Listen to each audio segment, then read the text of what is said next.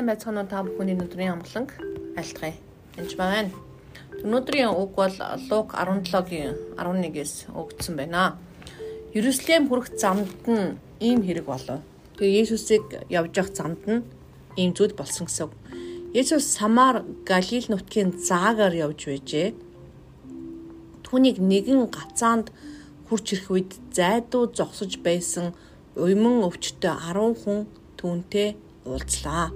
Тэгэхээр уйман өвчин гэдэг бол халдвартай арсны өвчин байгаа. Тийм учраас хоорондоо одоо яг нийгмээс бол тухайн үед бол зайдуу амьдардаг.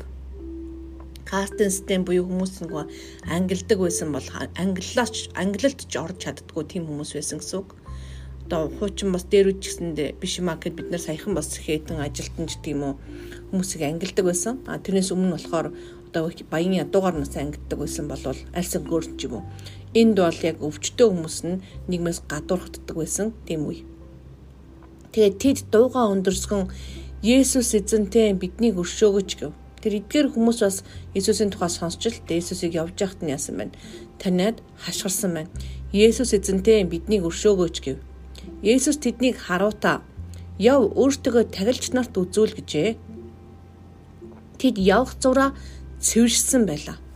Нэгсэндээ эдгэрлийн төлөө залбирч ч юм уу гар тавиагүй байна энэ дээр харин тахилчтай очиж өөрийгөө үзүүлэх гэсэн ба. Тухайн үед тахилч нар гэж энэ хүн арсны өвчтөө эсхийг үзэж цэвэрсэн эсхийн шалгаад тэр хүмүүс буцаад нийгэмд орж болдог тийм байсан. Тэгээд тахилчтай очиж үзүүлэхдээ бас өргөл өргөдөг ч юм уу. Тийм хууль бол Мосогийн хуульд бол байдаг байна. Тэгэхээр яг энэ эдгээр хүмүүсийг яасан байна? Шууд тахилч руу явуулсан байна. Тэд явах зураа цэвэрсэн байлаа Тэгэхээр энд байгаа энэ хүмүүс бол уян өвчнөөсөө бүгдээрээ аруулаа цэвэрсэн гэсэн үг. Тэд бүгдээрээ. Тэдний нэг нь өөрийн эдгэрснийг хараад буцсан ирж чанга дуугаар бурхныг алдаршуулсан. Тэгэхээр тахилчд очиж үзүүлчихэд 10-аас нэг нь л буцаж ирсэн байна. Тэгээд бурхныг чанга дуугаар алдаршуулан Есүсийн хөлдөн нүрээрээ унаж түүнд талархал өргөв. Тэр самар хүн байжээ. Тэр нь харь үндэстэн байсан гэсэн үг. Тэгэхээр тухайн үед тэр еврейчүүд байсан зарим нь а гэтэл зарим нэг самар хүн байсан. Иесус 10 хүн эдгэгдсэн биш үү? Харин бусд 9 нь хаана байна вэ? Бурхны алдрыг өргөхөөр энэ харь хүнээс өөр хүн буцаж ирсэнгүй юу гэхэд алдрыг нь өргөхөөр тэр үнэхээр эдгэрлийг бурхан хийсэн байгаа. Тэгэд бурханд алдрыг нь өргөхөөр буюу нөгөө нөгөө хийсэн зүйлэнд нь талархахаар харь хүнээс өөр хинч буцаж ирсэнгүй юу гэж. Тэр түнд бос өөрийн замаар яв, итгэлчин чамааг итгэлээ гэв. Тэгэхээр энд ярьж байгаа эдгэрл юм эдгэрл вүлээ. Түрүүн чинь эдгэрсэн байж үсттэй. Тэр эхнийх нь болохоор эдгэрл хороо цэвэрсэн баг. Яг уйман өвчнөөсөө цэвэрсэн.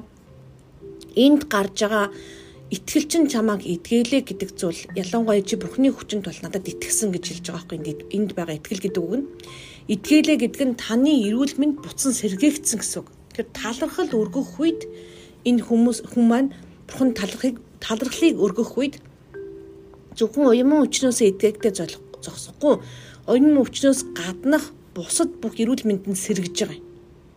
Бүрэн эдгэрч байгаа. Тэгэхээр харамсалтай нь одоо биний зүгээр анзаарч байгаа олон эдгэрлийн залбирал хийж яхад бол олон хүн эдгэрдэг байгаа.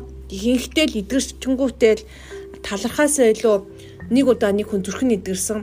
Зүрхэн эдгэргээд баярлахын оронд өө одоо толгоо гээл тэгсэн. Ер нь л нуруу нэдэрж баярлангуудаа за одоо энэ гар бас өвддөг гэж хэлдэг. Нэг өвчин нэдгэрэнгүүтээ талархаас талархаж баярлахын болвол алдрыг бурханд өргөх үед бусд нь нэг мөсөн бас эдгэрдэг байж байгаа. Аа тэгэд нэгэн зэрэг тэгж бүгд эдгэрэх тийм боломж байгаа. Энэ бол үнэхээр талархал байгаа. Эзэнд алдрыг нь өргөх явдал бол маш чухал байгаа. Аа тэгээд энэ тахилчтай очиж гэдэг нь болохоор аа энэ хүмүүс энийг сайн ойлгодоггүй. Аа гэхдээ тахилчд өргөлийн өргөх явдал бас маш чухал байдаг эзэнд бурханд. Аа тэгээд мэдээж тэрийг заавал өргөх гэж байгаа юм биш. Сайн дурын ажил байгаа. Аа гэхдээ ингэж талархах явдал нь маш чухал эзнийг алдаршуулах, магтах нь бас маш чухал байгаа. Яагаад гэвэл Иесус хэлсэн байна. 10 хүн эдгэхэд нэг нь л ирдэг гэж хэлж байгаа. Түрүүн түрүүчийн юун дээр 10 зоосын нэг нь алга болоход зоосныхаа ардаас хүн бүр хайж явж байгаа. А гэтэл 10 хүн эдгэхэд нэг нь талархдаг, 90% нь талархдаггүй гэсэн үг. Тэгээд талархдаггүйгээсээ болоод бүрэн эдгэрлийг яг үндэ автгүй байж байгаа. Тэгэхээр талархах явдал үнэхээр чухал. Та өсчөнд очиод үсээд суулчаад хажуу талдаа байгаа хүнд мөнгө нөгөөд хоосон гараа явуучвал сонирн биттэй ойлгомжгүй зүйл. Тэгэхээр бурханд алдрыг нь өргөж талархах, бурхан түүнийг таныг эдгээсэн бол бурхан талархах явдал маш чухал байгаа. Тэгэхээр та үнэхээр бас талархдаг зүрстгэлтэй байгаараа бас боломжтой бол бас өргөж сурах хэрэгтэй. Энэ бол үнэхээр чухал шүү. Тэгээд тэрний их багын мөнгө хэмжээ бол сонирн биш. Хамгийн гол нь чин сэтгэлээсээ талархаж талархах явдал үнэхээр чухал шүү. Тэгээд энэ 10 хүний тэр нэг хүн шиг нь байгаараа тэр самар хүн байдаг. Бид тэр самар хүний үйлчлэл хийдэг байгаа шүү. Тэгээд та бүхэнд маш их баярлалаа. Үргэлжлүүлэн подкаст минь сонсож бусдад бас түгээгээрэй гэж хэлмээр байна.